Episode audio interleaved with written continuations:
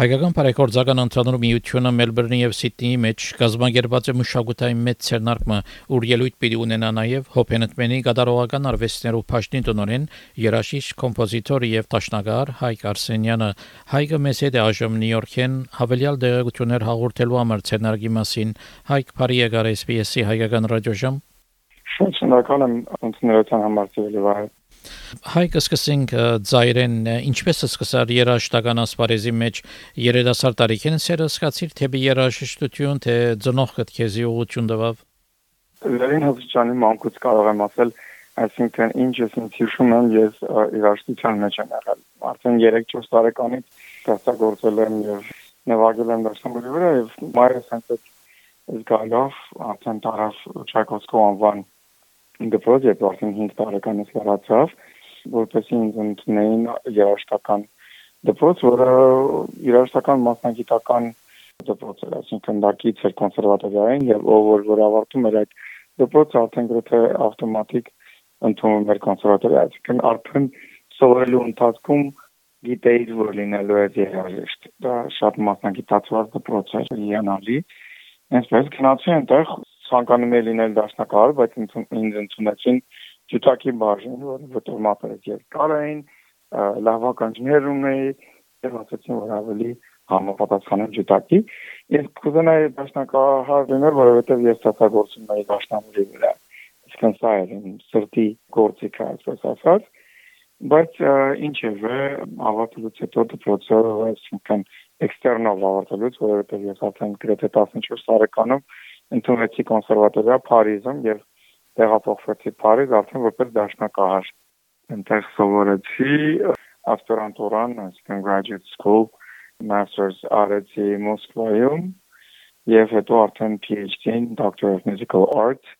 արեցի Ամերիկայի Միացյալ Նահանգներում, University of Iowa, հետո դրանից հետո professional studies diploma ստացա Manhattan School of Music New York եւ ստացա նաև professorship at New York University uh, the School of the Arts. Եվ այդպես արդեն հասկանալի է որ իմ նոր տունը դարձավ Նյու Յորքը դա մոտ 20 տարի առաջ էր եւ մոտ 11 տարի առաջ ինձ հրավիրեցին հայկական բարեգործական ընդհանուր միությունից որպեսզի ստեղծեմ պատահական արվեստների բաժին այդ դա ինչպես հասկանում եք շատ նորմալ բան է որովհետեւ բարեգործականը շատ մեծ աջակցություն է միշտ ընտրել արվեստին ամբողջ աշխարհով մեկ եւ ունի եւ բարախմբեր եւ երջախմբեր եւ տարբեր կատարողական արվեստի միջոցառումներ եւ ծրագրեր եւ նաեւ կրթաթոշակի ծրագիր, որը ավելին քան 95 տարեկան է։ Եվ ես ինքս եւ սովորում եմ Փարիզում, ստացել եմ բարեգործականից կրթաթոշակ, այսինքն ես ինքս ոնց որ բարեգործականի երիտասարդ ժամանակս ստացել եմ այդ աջակցությունը եւ երբ ստացա այդ հրավերքը ստեղծելու բաժինը դա ինձ համար ոչ միայն աշխատանք էր այլ նաեւ այսինքն եւ մինչեւ հիմա ոչ միայն աշխատանք է դա նաեւ մոնտաժը միսիա է այսինքն ինձ համար դա հնարավորություն է ձեռք բերել հնարավորություն է ձեռք բերել որ ես վերադարձնեմ իմ ընթարկը իմ մշակույթին իմ և, հայ արտիստներին եւ հնարավորինս օգնեն տարածել հայ երաժշտությունը աշխարհով մեկ։ Եվ այդ բաժինը հենց այդ խորհուրդն ունի, այսինքն միավորել բոլոր արվեստի հետ կապված ծրագրերը, մշակութային միջոցառումները եւ եւ այլն եւ ստեղծել նոր ծրագրեր որոնք ղեկավարված են Նյու Յորքի օֆիսից, այսինքն Նյու Յորքի գլխավոր օֆիսից դրա համար է կոչվում HBU Global Arts Department Հակիշ ավելի մանրամասն անշուշտ կխոսենք, բայց ցերնարգը որ պիտի կդարվի Մելբուրնի եւ Սիդնեի մեջ մեկ շաբաթեն ցեր կազմակերպած ցերնարկն է, ցեր ճաշտոնի ծիրեններ Այո, այո, այո, ուրեմն այս ցերնարկը շատ հետաքրքիր է, որովհետեւ 2014 կամ 15 թվականին մենք սկսեցինք Film at Lincoln Center հայտնի կինոթատրոնում, որը գիտեք ռեժիսորների համար դա այսպես ասած էկվիվալենտն է Carnegie Hall-ի Carnegie Hall-ի երաժիշտների համար եւ at Lincoln Center դա ռեժիսորների համար դա շատ հարգելի կինոթատրոն է այստեղ մենք սկսեցինք մեր ցուցադրումները 6 կարճամետրաժ ֆիլմերի, որոնք ուղղակի պետք է լինեն հայ ռեժիսորներ, լեզուն կարող է լինել տարբեր յուրաքանչյուր լեզվով եւ նաեւ թեմատիկան յուրաքանչյուր թեմատիկայով։ Այսինքն պատադի չի որ լինի դա հայերեն կամ էլ հայկական թեմատիկայով։ Եվ սովորաբար շատ բազմազան են մեր ընտրած ֆիլմերը եւ ձեռնարկի վերջում ֆիլմերի ցուցադրումից հետո միշտ դա վերջանում է հարցը պատասխանող ռեժիսորների հետ։ Մի քանի տարի այս ձեռնարկը անցկացնելով շատ հաջողակ մենք որոշեցինք նաև դա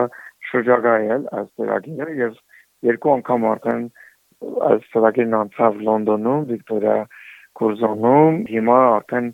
երրորդ անգամ կլինի հոկտեմբերի վերջին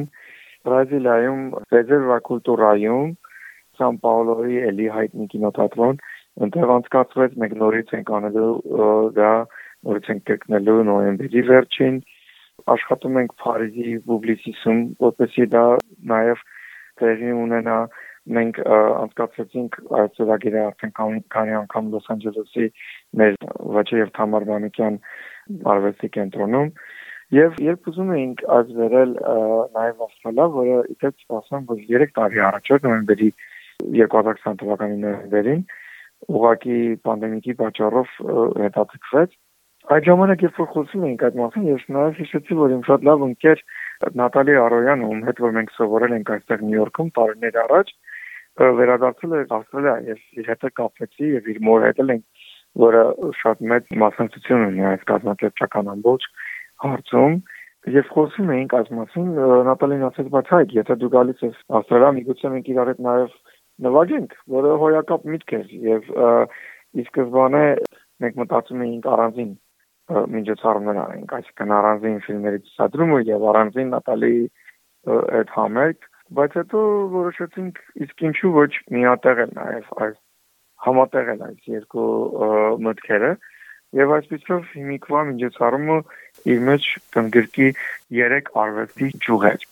այսինքն դա կլինի ֆիլմեր,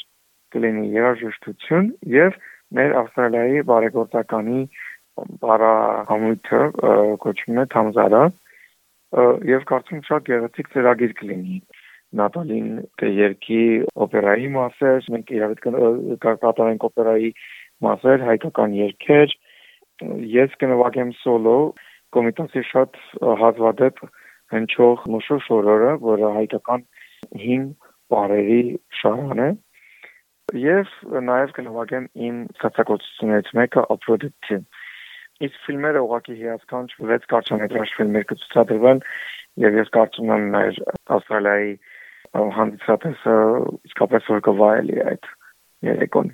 Հայք անցնելով քու ասպարեզիդ երաշտական ուսումետ մասնակցությունետ եւ Նյու Յորքի մեջ հաստատվել են իդ ինչպես հետևեցար սիրած ասպարեզիդ շատ տարբեր ձեռնարկներով են պատկերացրեք ելույթներում վերջերս դոկտորական դիսերտացիայի մի մասը թարգմանվեց իսպաներեն եւ լույս տեսավ որպես գիրք Բարսելոնայում կոչվում է Սոլերի աշխարհը El Mundo de Soler սա Անտոնիո Սոլերի, որը 16-րդ դարի իսպանական բարոկո կոմպոզիտոր, իր գործերի գիդ է, այսինքն մուցրացած ասվում է այն մասին, ինչպես են նվագում, ինչպես են կատարում այս գործերը ոչ թե հնագույն գործիքի վրա, այլ ժամանակակից կոչքի վրա, այսինքն ոչ թե կլավիսինի, հարցիկորդի, այլ դաշնամուրի վրա, բայց միևնույն ժամանակ պահպանելով ոչային հատկությունները եւ կատարողական այդ սպეციფიկան։ Այս կորտը այս այս գիրքը կանի որ լույս տեսավ, նաեւ ես այդ ծրագրով եմ ես շրջակայում եւ խոսում գրքի մասին, կոմպոզիտորի մասին, նաեւ հենց երբ վերադառնամ Ավստրալիայից, ես երկու օր հետո ուրիշ համերգ եմ ունենալու հիանալի ջիտակահար Իսրայելից ասիմատատասի հետ մենք նվագելու ենք Բրամսի, Կլարա եւ Ռոբերտ Շումանների գործերը գեղեցկագույն ծրագրում այստեղ Նյու Յորքում շատ գեղեցիկ մի ամրոց կա այնտեղ ենք նվագելու հենց Նյու Յորքից մի քիչ դուրս մի 40 րոպե դուրս այդպես տարբեր ծրագրեր ունեմ չոր ցերկով ծրագիր ունեմ, որը կոչվում է Նյու Յորքի երաժշտությունը, այսօրման կոմպոզիտորներ են, որոնք ապրել են Նյու Յորքում, Ռախմանինով, Պիացոլա, Դվորժակ, Բերնստայն, Գերշվին, շատ գեղեցիկ միտերագիրեր, որոնք նվագելու եմ դեկտեմբերին, օ, նոյեմբերին նվագելու եմ կվարտետ մեջ, Բրազիլիան տեատրի կվարտետ կա, ու մեծ ես միանալ եմ եւ իրենց հետ նվագեմ քրիտենտներ Ես այսինքն շրջակայում եմ, բայց գիտեք, քանի որ իմ առանձին համերները կան եւ շրջակայությունները արդեն մենակ իմ համերներով շատ են, իսկ դրա հետ մեկտեղ նաեւ կա մեր բարեգործականի ծրագրերը, որոնք էլ են պահանջում շրջակայություն, ես մեծ մասամբ փորձում եմ նաեւ համատեղել, որպեսզի այդ շրջակայությունները կրճատեմ, ավելի շատ չգնամ, այսինքն եթե գնում եմ իմ համերներով, ես փորձում եմ նաեւ այնպես անել, որ եւ բարեգործականի ծրագրի միգուցե փորձել համատեղել ժամանակի առումով, որ նաև դա էլ է համատեղեմ, գիտեք, որպեսի կարողանամ նաև օգնեմ բարեգործականի ծրագրերին ու առանձին մեկ անգամ եւս չկնամ։ Քանի որ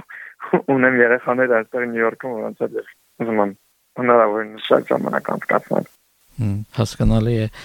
Հայք վերջերս Փարիզ կգտնվեր եւ ավա անցար Երևան ելույթներու համար էր թե դարբեր ցերնակներու համար։ Չէ, այս անգամ այս ուղևորությունը ելույթներից համար չէր։ Այս ուղևորությունը շատ հետաքրքիր մի վերնարկի համար էր, որը որ տեղի կունենա երկու շաբաթից Նյու Յորքում։ Ուրեմն ես այնտեղ եմ հանդիպելու Լեոն Տուտունջան Ֆոնդեյշնի պրեզիդենտի հետ, որովհետև այստեղ Նյու Յորքում տեղի ունենալու ամսվա վերջին բացումը Լեոն Տուտունջանի exhibition-ի էքսպոզիցիոնի ուրեմն բացումն է լինելու Նյու Յորքում ցուցահանդեսի եւ ես գնացել եմ որպեսզի տեսնեի այդ կոնցերը, խոսեինք Դեկլեոն Տոկինջանի ցուցադրումը գործերի ցուցադրումը տեղի ունեցել է Պոմպիդուի թանգարանում Փարիզում եւ որոշ գործերից կան նաեւ այստեղ Նյու Յորքի MoMA-ում Modern Museum of Art եւ հիմա ցուցադրելով այստեղ Rosenberg Gallery-ում մենք հույս ունենք, որ կկարողանանք այդ գործերը նաև ցուցադրել մոմայում, որը շատ հիասքանչ բան կլինի բնականաբար մեր հայ արժեստի համար եւ ասեմ որ նաև անցած տարի մենք արդեն համագործակցել ենք մոմայի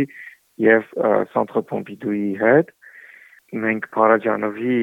կարճամետրաժ 3 ֆիլմերի ֆինանսավորել ենք այդ գործերի փոփոխումը արխիվային լենտի վրա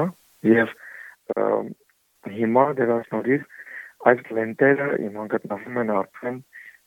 առաջին ասեմ որ ցուցադրվեցին այս ֆիլմերը եւ Սանտա Պոմպիդոյում եւ Մոմայում եւ հիմա այս երկու թանգարանները այս երկու հայտնի թանգարանները դարձել են Փարաջանովի ֆիլմերի մշտական տունը, մշտական արխիվային տունը։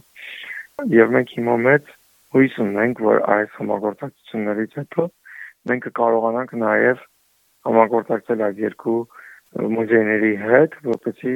կարողանանք նաև աշխատել այդ Լեոն Տուտունջանի ցուցահանդեսի վրա, որպեսզի այստեղ գտնվի այդ երկու թանգարաններում հայ կրնաս ներկայացնել թե հայկական բարեգործական ընդհանուր միությունը արվեստական ինչ բարեգործական ծրագիրներ իրակորձե Հայաստանի մեջ եւ կրնաս խոսել երաշտական Հայաստան ծրագրի մասին այո իհարկե սիրով առաջին դες ասեմ որ բնականաբար բարեգործական ծրագրերն այնքան շատ են եւ ոչ միայն երաշտական բայց ես քանի որ արվեստի բաժնի տնօրենն եմ ես միգուցե մի անգամից ես ուղղակի մեր ծրագրերից ասում եւ բնականաբար գլխավորը հենց երաշտական Հայաստանն է, որը ստեղծվել է 2012 թվականին։ Դա իմ ամենա առաջին պրոյեկտներից մեկն է եղել։ Հիասքանչ ծրագիր, որը երեք շաբաթով երաժիշտները եւ ոչ միայն երաժիշտները, եւ պրոֆեսիոնալ եւ սիրողական եւ ասեմ ձեզ նաեւ որ տարիքայինով էլ շատ բազմազան է մեր այցելուների Մնացելում են Երևան երեք շաբաթով եւ աջախում են լեկցիաներ հայկական երաժշտական արվեստի սկսած միջնադարից վերջացած մինչև ժամանակակից արվեստ եւ ժամանակակից նաեւ ջազ արվեստ եւ արդեն նաեւ պար արվեստի վերցնում են դասեր, անհատական դասեր մեր Հայաստանի լավագույն երաժիշտներից կոնսերվատորիայում իրենք ունենում են տարբեր փորձեր աշխատել եւ եւ շախմբերի հետ եւ նվագախմբերի հետ ինչպեսին են մեր պետական նվագախմբը պետական սիմֆոնիկ նվագախումբը տարբեր հնարավորություններ են ստեղծվում մեր այցելուների համար, նաև Հայաստանի տարբեր տեսարժան վայրեր ընկերանում են եւ դուք գիտեք ասեմ որ այս արդեն 10 տարվա ընթացքում շատ մասնակիցներ արդեն սիրահարվել են մեր Հայաստանը եւ չեն վերադարձել կամ արդեն վերա չեն վերադարձել իրենց երկրներ կամ հետ վերադարձել են Երևան եւ հիմնվել են մեր երկրում այսինքն սա ինչ որ repatriation-ի նաև դեպ հանդիսացավ այս ծրագիրը իսկ ովքեր որ վերադառնում են իրենց երկրներ իրենք դառնում են մեր հայ արվեստի դեսպանը եւ ասեմ այնպիսի երաժիշտներ ինչպես ոչ հայ երաժիշտներ նաև ինչպես Շրի Լանկայից, Արգենտինայից, Ճապոնիայից, Թայլանդից, Իտալիայից տարբեր տարբեր երկրներից ոչ հայ երաժիշտներ հիմա ուղղակի նվագում են եւ ելույթ են ունենում հայկական երաժշտությունով աշխարհի տարբեր բաների վրա։ Շատ շատ կարևոր ծրագիր է, որը ես կարծում եմ, որ ցույց է տալիս ներկայացնում է մեր արվեստը աշխարհով մեկ եւ բերում այս երաժիշտներին մեր երկիր, ծանոթացնում մեր տեղացի երաժիշտների հետ եւ իրենք իրար հետել են համագործակցություն։ Սա ուղղակի հիասքանչ մի բան է։ Հայք շատ շնորհակալություն հարցազրույցին եւ դերակցություններուն համար մոդերս կտեսնվենք։